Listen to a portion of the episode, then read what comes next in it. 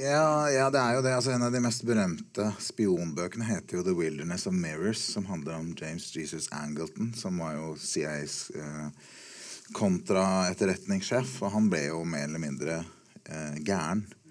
Fordi at hans beste venn i Washington var jo en britisk etterretningssjef som het Kim Philby. Og sammen så jaktet de en stor britisk spion. Og det var jo Kim Philby. Boktips Krimfestivalen spesial.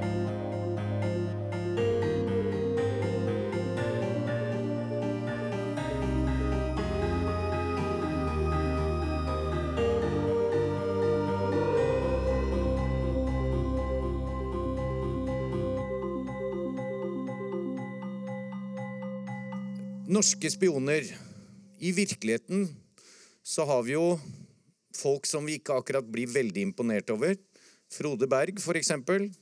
Eller Arne Treholt. Men i bøkenes verden så er det mye finere. Så vi skal ha et program nå som heter Norske spioner, hvor vi har invitert tre av de beste forfatterne som Norge har, som eh, skriver om spioner. Så får vi høre hva de syns i forhold til virkelighetens. Programlederen er eh, en som er fast her på festivalen, nemlig Sara Natasha Melby. Hun er jo tidligere kjent fra TV og har vært forlegger. Og nå er hun først og fremst vår her på Krimfestivalen. Også forfatterne de har eh, sittet nede i litt sånn angstfylt venting på hvor godt blir de tatt imot. Altså, de må føle seg litt bedre enn de forrige. Sånn blir det utover dagen, så det blir voldsomt til slutt. Men hvis dere da kan gi dem den applausen de fortjener Lasse Gallefoss, Gard Sveen og Aslak Nore. Og mer og mer. Takk, takk.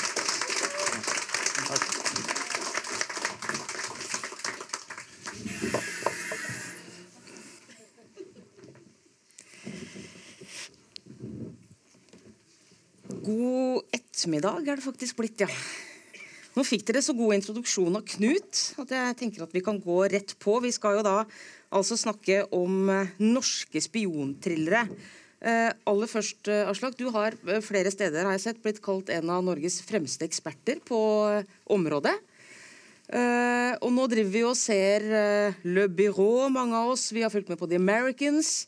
hva TV-serier gjelder. Hva, hva, er som, hva er det som fascinerer oss om spionsjangeren? Ja uh, Jeg tror at uh, i fiksjonen da, fra James Bond og sånne ting, så har det jo ofte handlet om uh, det litt sånn blandingen mellom det glamorøse livet disse menneskene tilsynelatende lever, og all den action de gjør, da. Altså alt det der. Men sånn er det jo ikke i virkeligheten, bare så det er sagt. Det er jo den kjedelige sannheten. Det er litt mer det derre grå 70-tallet som Garde er glad i. da Elsker det grå 70-tallet. og det er liksom både det evige grå 70-tallet, tror jeg. I eh, Pudding. spionsjangeren. Men, nei, nei, men jeg tror nok det handler om noe dypere. da. Jeg tror det handler om at uh, det på mange måter er en speilbilde av eh, en del av det å være menneske, da. Som er å ha hemmeligheter, og det å lyve, og det å bedra andre. Altså det er masse? Du, kan, du kan argumentere for at uh, den psykologiske thrillersjangeren, som jo ikke handler om spioner i det hele tatt, men at den har mange av de samme grunntemaene, som er hva vet vi egentlig om andre mennesker? Og det tror jeg dypest sett er hva som gjør sjangeren appellerende. Din eh, roman 'Krigernes fred' Lasse, er jo din debut. Hva var det som gjorde at du eh, fascinerte, fascinerte deg for denne sjangeren og hadde lyst til å skrive om akkurat det? Eh, For meg var det en eh, fascinasjon for andre verdenskrig. Jeg hadde en eh, farfar som kjempet i Milorg, eh, men som aldri fortalte om hva han gjorde eh, under krigen. Vi vet han var frem og tilbake over grensen til Sverige, men han var liksom en av de som var mer sånn irritert over at Max Manus ga ut bok. Og han falt om på en joggetur rett før han ble pensjonist. Så min far fikk aldri spurt de spørsmålene som han ville stille han om dette. Eh, og da var det også spesielt hva farfar gjorde etter krigen. For min, eh, min far han eh, fant i, i kjellerboden i Industrigata fant han masse maskingevær. Så, så man da tenker at kanskje han farfar fortsatte etter krigen å være med i et av disse Stay Behind-gruppene som dukket opp. Så det betyr at jeg alltid har vært interessert i denne biten av det. Og det er jo som Aslak sier, det å ha hemmeligheter.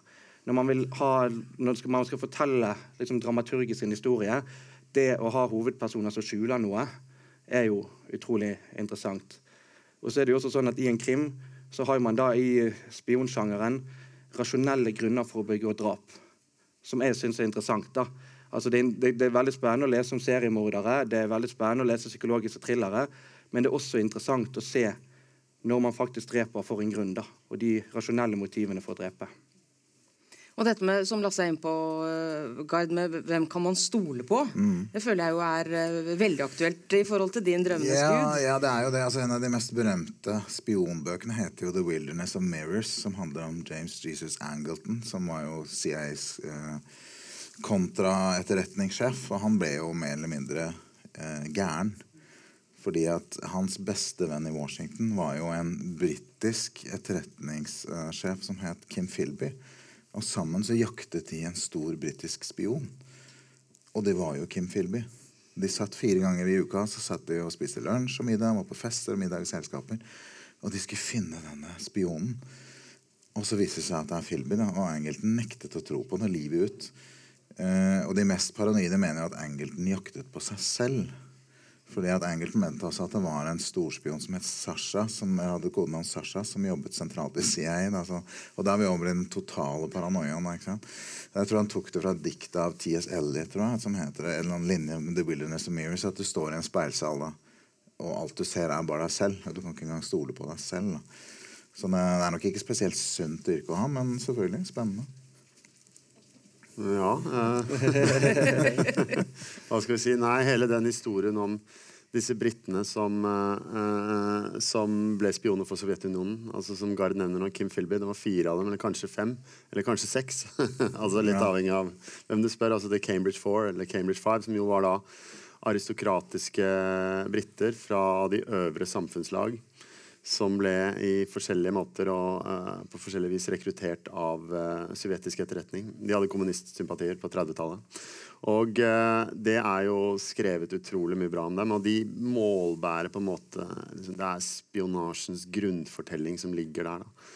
Altså den, Han ene, Anthony Blunt, som var den som holdt ut lengst av dem, han, ble, han var jeg tror han var Stemmer dette, Gard? Nå, nå henvender jeg til deg. Men var han, var han, altså, var han dronningens kunstekspert? Ja. Han, altså, det var rett og slett, altså, han var på en måte så høyt opp i det britiske samfunnet han kunne være. Så hadde han en hemmelighet som han hadde begravd i 50 år.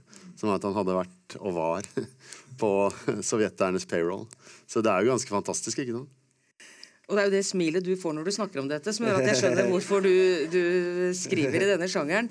Ja. Eh, det som fascinerer meg veldig med, med, alle disse tre bøkene, er jo at uh, det er veldig mye jeg ikke kan om perioden etter andre verdenskrig, som dere skriver om, eller eh, Midtøsten på starten av 80-tallet, som du skriver om, eh, Gard. Men alt, selv om dette er fiksjon, så, så stoler jeg på dere. Ikke sant? det må du ikke finne på. Stoler på at, eh, at, dere ligger tett opp til virkeligheten. Og det er dere ganske bevisst på alle tre, å poengtere i etterord det, altså at, at, dere har vært bevisst på hvordan dere jobber der. Og hvordan, hvordan gjør dere research? For jeg regner jo med mm? Kan jeg først si noe om det? Fordi det er nemlig et men i akkurat det du Det er et det, men. Det argumentet du dro opp der. Og det er at uh, Altså, det var vel uh, Det er i den hele denne uh, britiske spiontradisjonen da, som gjør den sterkeste, så har flere lagt vekt på at litteratur og spionasje egentlig handler om det samme. Det handler om å lokke leseren eller motstanderen inn i en fiktiv virkelighet som vi tror er virkelig. Og det er jo selvfølgelig det vi gjør. ikke sant? Fordi eh, det er jo sånn at Jeg er glad for at du sier det du sa. For det er jo akkurat det jeg ønsker å oppnå. At folk skal tro at dette er virkelig. Men det er jo ikke det. Det er jo bare noe jeg har funnet på. Men så har jeg funnet på, så prøver jeg å legge inn de riktige detaljene på de riktige stedene, sånn at du eller en annen leser skal tenke at fader, dette her er jo sånn det var. Men det er jo ikke det. Det er bare løgn. Ja, ja, men Det er jo det, det største komplimentet vi kan få, er når vi liksom sjekker søkestatistikken f.eks. på Wikipedia, og folk har begynt å søke etter han som jeg har som forsvarsminister i min bok. Mm. Altså, oi, for en, for en uh, fascinerende karakter. Eller hvis folk begynner å søke etter Arvid Storholt på Google og sånn. Ja, han, finnes, han finnes jo. Ja, det- men det, er som, det er som Aslak sier, at det er interessant fordi at altså, krysningen mellom spionasje eller kontraetterretning, da det skulle avdekke en spion, og det å holdt på å si, være interessert i litteratur. For James Jesus Angleton var jo han hadde, jeg vet ikke om han hadde doktorgraden eller hva han hadde fra, fra Yale på T.S. Eliot. Og hans sjef i London, Norman Holmes Pearson, han var litteraturprofessor på Yale. Og han sluttet jo den amerikanske etterretningstjenesten for å gå tilbake til Yale og grunnlegge det studiet som jeg tror heter American Studies, som er en klassiker i amerikanske eh, universitetssystemet nå. Og de brukte ofte Jeg husker ikke det var en amerikansk poet som var veldig komplisert, som de ofte brukte som en slags sånn mal på hvor mange lag en tekst kunne ha. da. Hvis du f.eks. skulle finne ut et kodenavn, da, sant, som Don McLean som hadde Homer Ok, Homer, hva betyr det? ikke sant? Men klassisk er han høyt utdannet, er han veldig smart, så begynte det å grave seg nedover. Eh, og da, det, det, Dette med litteratur, deres kunnskap om litteratur hjalp meg faktisk ganske mye. Mm. Jeg har jo eh, Jeg har jo vært mye sammen med folk i Etterretningstjenesten og gjort noen noen eh, åpne kurs og sånn sammen med dem. da. Og det slår meg da at det er ofte veldig intellektuelle folk. da. Og det er jo også fascinerende hvis du tenker på hva slags folk du skal skrive om. da. Fordi hvis du tenker at en, hvis du f.eks. er en spesialsoldat, en marinejeger, så må du jo ha Du er selektert på visse kriterier. Du må være du må være stabil, du må takle et press som du blir utsatt for i uttaket og, og seleksjonen. Da. Eh, og det er jo greit nok, og da kan du tenke deg at det er en viss type mennesker som tenderer mot å ha de egenskapene som skal til der, og at de menneskene kanskje de har noen styrker som er veldig åpenbare, at de ikke får panikk hvis de er inne i et torpedorør eller altså sånne type ting. Men samtidig så kan du også muligens tenke at disse menneskene er ikke så eh, gode til å eh, f.eks. være følsomme som Karl Ove Knausgård. Ikke sant? Det er på en måte to arketyper. Marinejegeren, Karl Ove Knausgård. Men det interessante med etterretningsfolka er at da bør du i utgangspunktet ha begge de to sidene.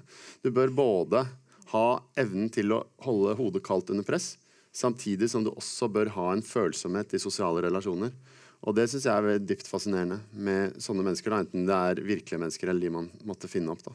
Så det du egentlig sier nå, er at den perfekte spion er en som skriver bøker om temaet? Det er det vi vil Det det får du, Det er du bare vurdere selv. Men jo, jeg kan si det at da jeg reiste rundt i Da jeg reiste, jeg var mye i Afghanistan periode og drev og gjorde research og litt forskjellige ting der. Og da var det Da pleide jeg å reise rundt med mine egne bøker i Sånn at hvis jeg skulle bli tatt, så var det så var det sånne ting. da At jeg hadde alltid at jeg var forfatter. Og det er det samme, altså. Vil du ha den signert? Er liksom? Ja, ja, altså Don't get me started. Jeg var, også, jeg var sammen med noen Jeg var sammen med kurdere en gang oppe i, oppe i fjellet mellom Iran og Irak. En sånn militærbase sammen med dem. Sånn at, marxister som så ut som sånn Kom rett ut av en Gard Sveen-roman fra 1973, liksom. Og, der var de, eh, og, og da var det sånne ting de lurte på. liksom Ja, du er forfatter. Ja, men vi vet at forfattere de kan vi ikke alltid stole på. Og Hva kunne jeg si da? Eller jeg sitter her i dag. Ja, det, ikke sant? Men, men jeg har veldig respekt for det, og dere, har jo, dere, jo, dere lurer jo meg altså, på, på langt på vei. Jeg blir med på dette her og tenker at eh, mye er tett opp til virkeligheten. Men, men jeg går ut ifra at noe også må være riktig. Altså, nå har ikke jeg veldig greie på våpen, Lasse, men for eksempel, altså, når du beskriver et våpen hvis jeg hadde hatt greie på våpen, og jeg regner med at noen av de som leser bøkene deres for eksempel har det, Ja. så er det jo irriterende. Hvis det er noe feil der, så sånne type detaljer, der må dere vel jobbe litt med research og Ja, og spesielt på våpen. Da finnes det og i, Av krimlesere så er det jo mange som har mye kunnskap der. Jeg har en egen våpenekspert eh, som er en kompis av meg, som har bare sånn sykelig liksom, interesse for våpen. En, Ellers han er en liksom- kompis av meg. det jeg Ja, ja. Jeg tror jeg skal bare Så, sette så meg der var det rett og slett jeg Så du var litt sånn politisk korrekt? Og... ja, Han her er, hvis du ser bilder av han, han ser ut som en, liksom, han ser ut som en bjørn, rett og slett også. Faktisk. da, Så da det- må vi tilbake hit igjen. Men han, da bare sender jeg Da sendte jeg manuset til han, da. Og så bare, så bare leser han gjennom, og nei, det stemmer ikke. Og du må snart lære deg forskjell på revolver og pistol. Du kan ikke bruke det i hvert fall ikke i samme setning. og alle disse. Han luker ut det på forhånd, det som ville irritert andre. Men så kommer jo han da også med mye mer. Når jeg skriver liksom at uh, For hvis jeg skriver at denne hadde på seg liksom lyddemper. Så kommer han ja, men er ikke det mye kulere om det blir en Webley? For akkurat da så hadde jo engelskmennene nettopp funnet opp en, en pistol som ikke trengte lyddemper, fordi at den hadde innebygd lyddemper. Og så kan det liksom, Ved at da drapsmannen bruker det våpenet i 47, så kan det være et hint om hans bakgrunn. Og det er jo det som, for det jeg snakket om research, er jo det at jeg tror alle vi er veldig glad i å lese og vi er veldig glad i dette temaet. Og det er liksom å tenke på research som fantasiens hjelper. Altså at Idet vi sitter og leser en, en, fagbok om dette, her, så kan liksom krimhjernen tenke liksom hva hvis, og tenk om, og så gøy. Men kanskje var det egentlig sånn at uh, russerne egentlig Som vi da kan tegne i fiksjonen. Så, så research for meg er egentlig bare en slags Det er en brainstorming-prosess da, rundt temaet. Men det, det, kan være litt farlig med research. Altså. Når blir det for mye research? Og du må være god på å kamuflere at du har gjort research. Og det gjelder veldig mye krim som har selvfølgelig med dissekering av lik å gjøre. Da. Det er ikke så mye aktuelt her. Og du blir litt ødelagt som leser Men jeg tenker har du gjort research nå? Der ligger leveren, og der er nyren. og dette, dette kan du ikke. Men, men, research er selvfølgelig kjempeviktig, men det ville fortsatt være en god del feil. Jeg tipper at i min første bok, som er tungt researchet, så er det sikkert et drøyt tosifret antall feil, men det er ikke én leser som klarer å finne alle feilene. Kanskje én finner to, og en annen finner tre. og En vet at Jeg fikk et spørsmål fra en bilfyr i Telemark som sa du, når er det egentlig Volvo PV kom med doble bakdører? og så måtte jeg Og så tenkte jeg fader, jeg har ikke googla. Og så var det 1946. Ah, satan, det er to år for seint. og er, du får hele tiden den, den type spørsmål. De aller fleste er vel kanskje ikke så opptatt av Volvo PV med doble bakdører, men det er klart for den ene personen så, så det, betyr det ganske mye. Ja, du må aldri Det er noen type ting du ikke må gjøre feil på. Og det er sånne greier som det. Konkrete ting. Våpen. altså biler. Sånt. Det får du alltid igjen av leserne. Ja. Men det er jo sånn du, eh, som vi nevnte i stad, Gard. Som vanlig så forteller du en historie på, på to plan to forskjellige tider. Du er i Beirut på starten av 80-tallet, og så er du her i nåtid. Eh, har du vært i Beirut? Jeg har aldri vært i Beirut. Som jeg, stadig, aldri vært i Beirut? Nei, som jeg får kjeft for. Uh, og nå sier du, nå begynner du òg. Si sånn, jeg har vært så mye i Beirut. Men jeg, og jeg tenkte, hva hjelper det meg hvis jeg ikke var der sommeren 1982? Uh, det er vel to forskjellige byer her Nei, men Du, bare, du snakka kanskje med Odd Karsten Tveit? Ja, jeg snakka med Odd Karsten Tveit. Han redda. Han redda. Jeg snakka med flere som var der nede den sommeren. Noen vil ikke uh, stå fram. Uh, mens Odd Karsten var jo, hjalp meg jo massivt. Men han leste aldri boka. Han fikk bare 20-25-30 dumme spørsmål. Hvordan kom du deg dit i mellom øst og vest? Hvordan reiste du inn i Israel? Hvordan var kystveien? Hvordan var alle de der små tingene? Da, ikke sant? Uh, han svarte og svarte, og svarte, og så tenkte jeg gud, tenk om han hater denne boka. For det står jo bakerst i boka. Og Hvis dere leser i en fiksjonsbok at ingenting i denne boka har med virkelige personer å gjøre, så, så har det selvfølgelig alt med virkelige personer å gjøre.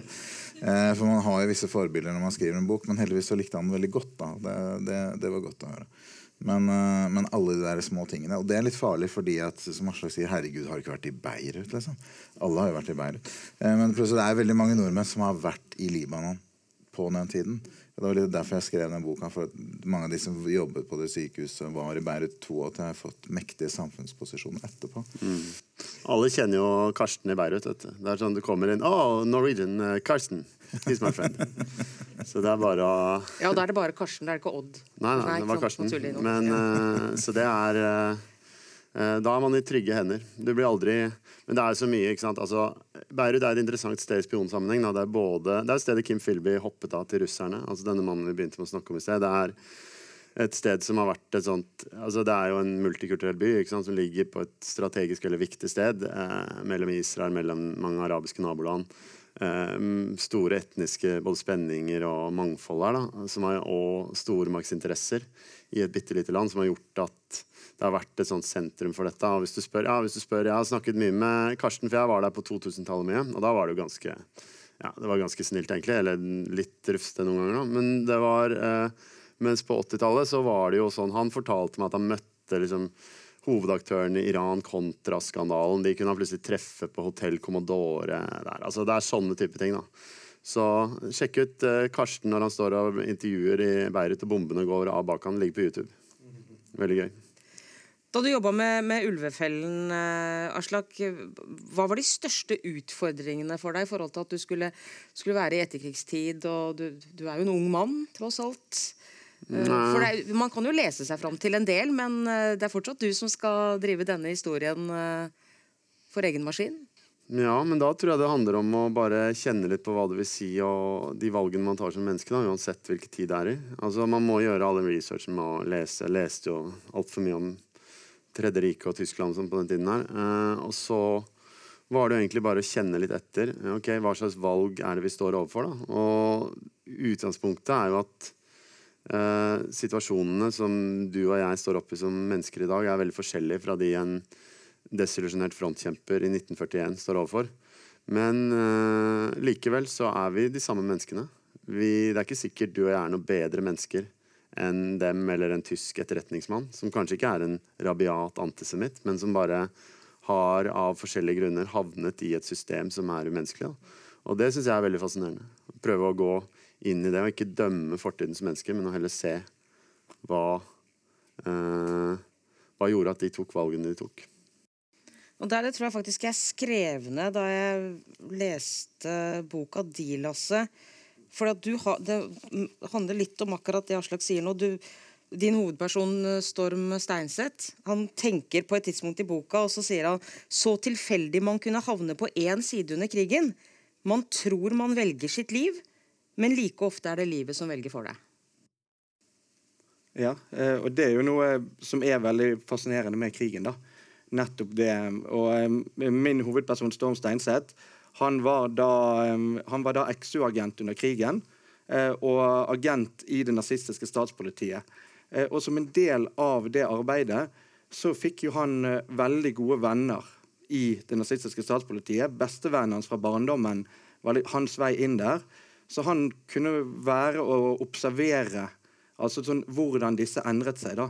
Og han ser motivene, for det er selvfølgelig utrolig lett for oss å dømme i ettertid det å, å liksom torturere sine landsmenn. Eh, men det er jo like interessant å forstå at de, de, torturerte jo fordi at de så på disse som torturister. At de hadde sin ideologi de kjempet for, som de mente. Det er ingen som er skurker i sin egen historie. da.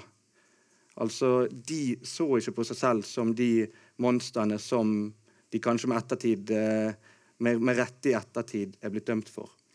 Eh, og da er jo det sånn jeg prøver å forstå. fordi at det som fascinerende, altså Boken er handling fra 1947, og siden Storm var med i XU, så er alt hans, alt hans dobbeltagentarbeid fortsatt hemmelig. da.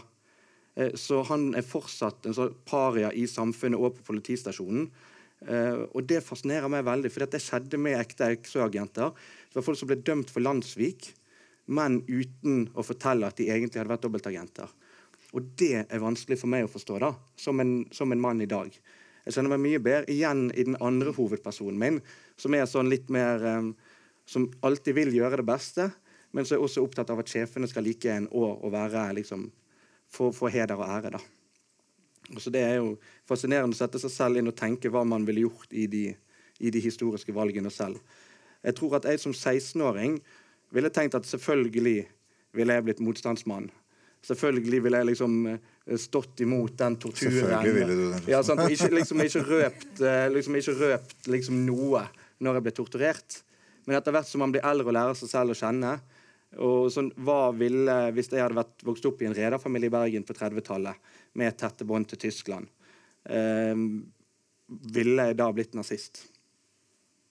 Og Det er jo kanskje interessant også å vite, fordi at det fins jo blant f.eks. USA veldig gode amerikanere som i veldig nær historie og i dag torturerer mennesker for det de tenker er en god sak. Du må, jo, du må, jo, tro at du gjør det riktige, og det er det som er vanskelig. Hvis du vet at det du gjør er galt, så hvorfor gjør du det da? Det er kanskje enkelte tilfeller. Og det gjelder jo også så tema spioner. da. Altså, Du vil jo komme i tvil på et eller annet tidspunkt. Hvis du ikke er en komplett spikerhakk psykopat, så vil du jo komme i tvil. Og det viser seg at noen av de største spionene, sånn som svenske Stig Wennerstam, som solgte ut hele Sverige Når du er på det nivået, en så stor spion, så er det, det er ingen trusler. Du er langt forbi trusselnivået. For han er jo så intelligent at han skjønner at 'jeg kan ikke trekke meg ut'. Da er, jo, da er jo død. Og så kommer de til å eksponere meg. Så det, alt som gjelder da, det er bare ros. Hver gang de sjeldne gangene han møter sin føringsoffiser. Det, det, er kanskje én gang i året i et, i et trygt land. Og det, han lengter veldig etter det møtet med føringsoffiseren som kan gi han ros og fortelle han hvor utrolig viktig han er. Uh, og det han driver med, er fred og forsoning og samarbeid øst-vest. Mens det han egentlig gjør, er å svikte sitt eget land. Og det kan hende at han ubevisst et eller annet sted bak der vet det. Og, og som Aslak sier, han kan ikke sprekke ett eneste sekund. Han må stille, spille skuespill. altså Selv i drømmer må han spille skuespill. Og det å da få den der mentale feedbacken om at du gjør det riktige Vi støtter deg, vi er med deg, du er en viktig spiller. Når du da blir tatt, da, så må du holde fast på at det var veldig viktig, ellers, ellers så sprekker jo alt. Sant? Det er derfor jeg er veldig redd for type avhoppere. For det, altså, selvmordsrisikoen er veldig stor. Da, for at hele, måte, hele den indoktrineringen bare sprekker i ett eneste øyeblikk. Så det blir passa ekstremt godt på også spioner som blir tatt, og avhoppere fra særlig totalitære regimer. Ja, og Wennerstrøm han var jo var ikke også historien hans når han ble tatt, at 'jeg gjorde det for freden'. Jeg, Jo, jo. gjorde det, jeg var min egen lille terrorbalanse mellom øst og vest. Han, han, Treåtsinger vet du. ja, det er nok det det blir fortalt at hvis det blir tatt. Det er som Kim Philby sa. Nummer én, du må aldri innrømme innrømme noe som helst. Og nummer to, dette handler om Dette er øst-vest-dialog. Og så er det en måte å se det på at hvis du vil se det fra den siden, ja, så kanskje reduserte det muligheten for misforståelser. da og atomangrep. Og du kan på en måte lure deg selv inn i en sånn labyrint hvor du igjen tror at du gjorde det eneste riktige. Aslak, du har jo, altså, det, vi har jo to stormer her, men en, en med etternavnet Storm og en med fornavnet Storm. Uh, men din, din Storm, han uh, var jo med i, i OL, i seiling. Ja, Uh, tok sølv. absolutt. Eh, og han, som i de to andre bøkene også, så, så er det jo Dette er jo, det handler jo om spionasje, det er en eh, spionthriller, men kjærligheten er fortsatt til stede. Ja, jeg syns det var jo opptatt av å prøve å få til en, en, en uh, Altså, det er en, det er en eh, polsk eh, en polsk kvinne som blir tatt eh, i eh, Tyskland der, og så, hun, eh, og så blir hun dømt til døden. Og så akkurat idet giljotinen skal senke seg ned over henne, så blir hun da, kommer det en liten intervensjon fra en, eh, en stormannfyrer i eh, SS som bare stopper hele greia. Selvfølgelig da viser det at det er staged og har et skriv fra Reichführer Himmler himself som sier at OK, eh, du skal leve videre, ta henne med bort, og sier at du, eh, du skal få leve, og hun er helt skjelven. Og så sier han videre at Men du, eh, hvordan går det med guttungen din? Eh, nei, han er jo hos eh, besteforeldrene i Polen. Nei, jeg tror ikke han er det nå. Han er blitt sendt på et lite sted for eh, og germanisering av polske barn. Som andre ord, da, da har de på en måte Da tar de jo det verste du har, eller det verste du kan tenke seg, ikke sant, som er at du tar fra deg ungen din da, og sier at du jobber for oss. Ellers så er det over med han. Og da har ikke hun noe valg. Og så handler jo greia om hvordan eh, ja, Når hun skal begynne å nærme seg Henry Storm, da, som, hvordan det arter seg. Og det syns jeg, ja, jeg var gøy å skrive, i hvert fall. Så jeg håper leserne fikk noe ut av det òg. Ja, Du har jo også en annen kjærlighetshistorie. altså Storm Ja, ja, stemmer det. Han har jo Astrid òg. Stemmer det. Ja, ja. Hun, hun Det var nemlig den jeg tenkte den, på. ja, men Ja. den, te- ja. Ja, riktig. Ja, ja, ja, nei, det er noe annet. Uh, så lenge siden jeg har Jeg kan ta den. Ja, du kan ta den. Lasse, Lasse Det forteller. er altså, Henry Storm da har en, eh, har en ungdomskjæreste som han mellom linjene åpenbart har ganske mye følelser for, som han blir rekruttert til, eh, til motstandsarbeid av.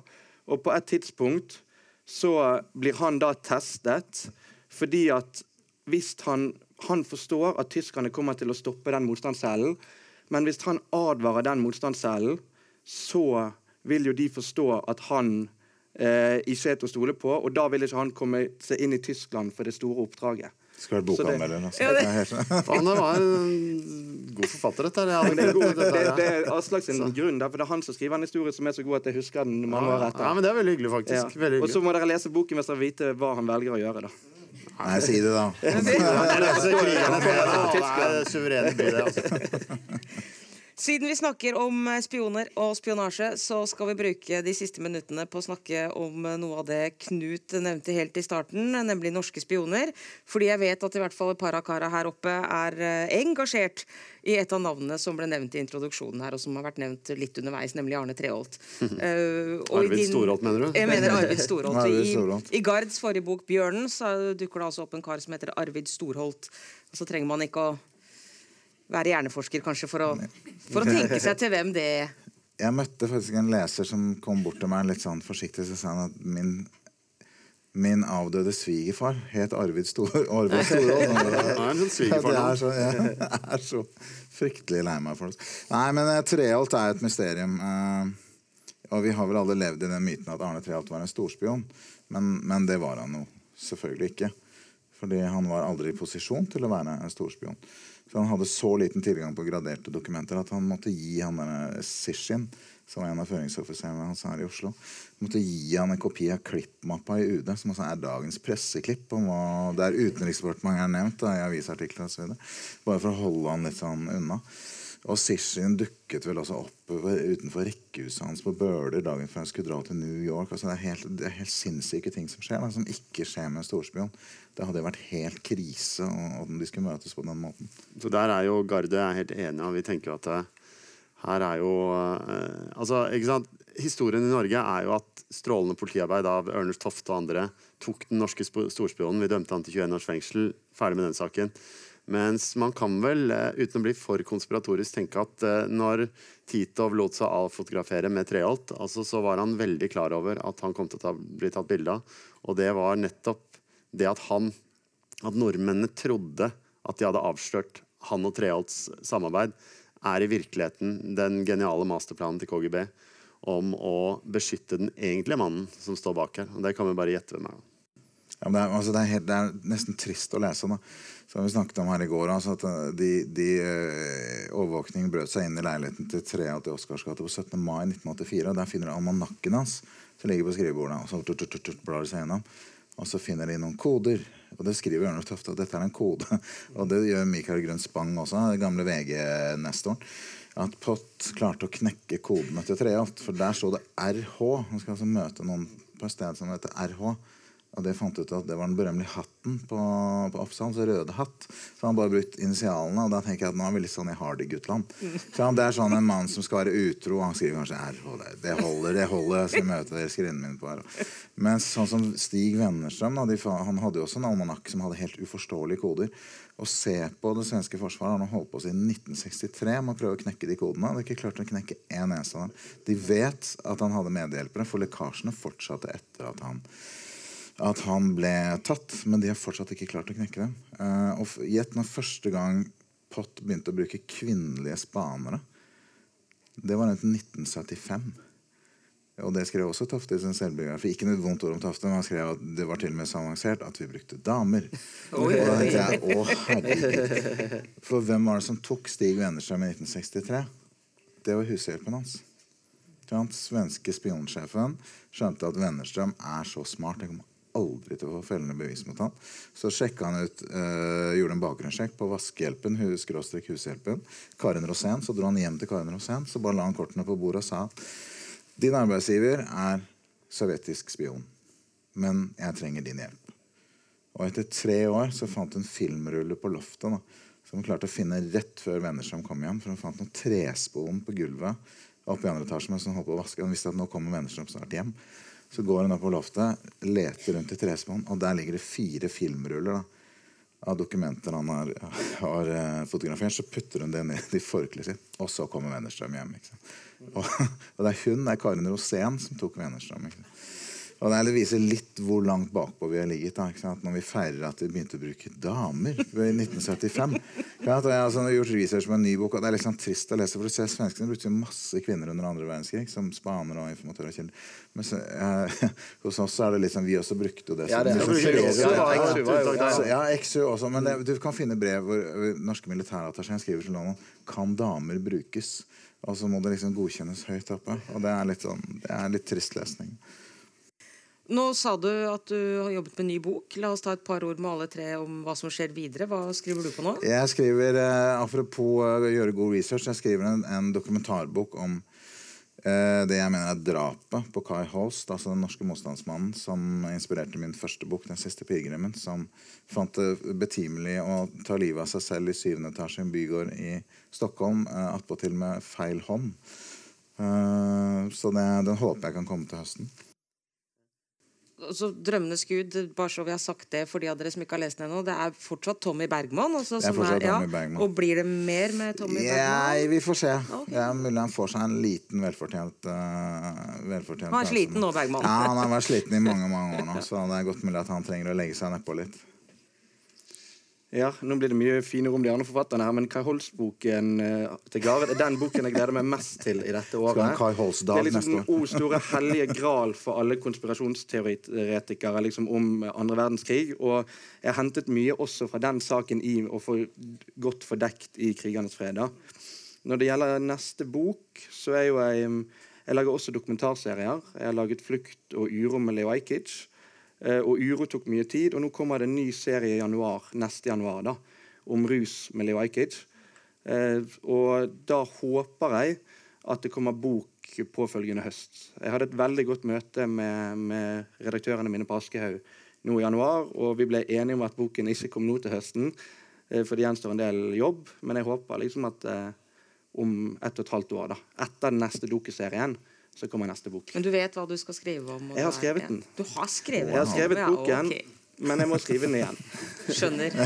Kan du da røpe Er, er det noen av de som er med i Krigernes fred, vi møter igjen? Eh, Ja, jeg har flyttet den fram til nåtid og 1993. Det betyr at det er enkelte der som kanskje dukker opp, da. Det er kanskje, men jeg har nettopp slettet 30 000 ord med en av de.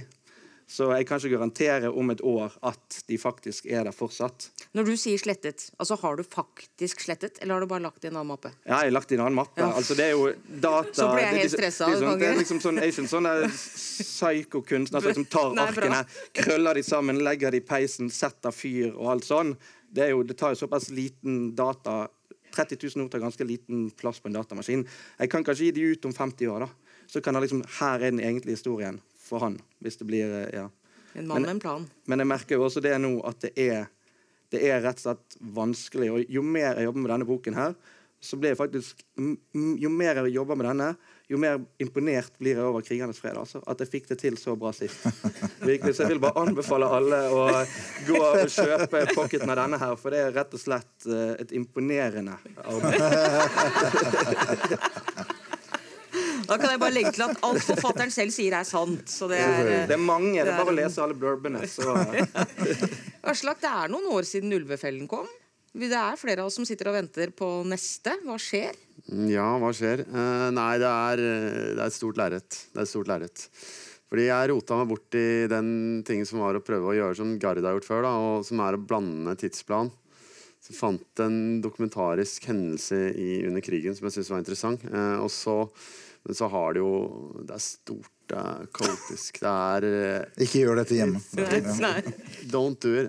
It's a fucking mess. Men, eh, men jeg tror vi begynner å se lys i tunnelen. Så kanskje det rett og slett eh, kommer noe greier. Et litt dynastisk familiedrama slash spionfortelling slash Rene med andre til høsten. Rett og slett. Får vi se. For å briste eller bære.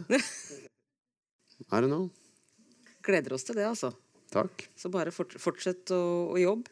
Eh, Lasse har jo allerede anbefalt sin egen bok. eh, Og for så vidt eh, de andre. Men alle tre eh, er virkelig verdt å, å lese. Jeg har Jeg skal ikke si kost meg med alle tre, for det har vært, det har vært mye vondt underveis også. Men på en bra litterær måte, så de anbefales. Takk for praten. Selv takk. Takk, takk.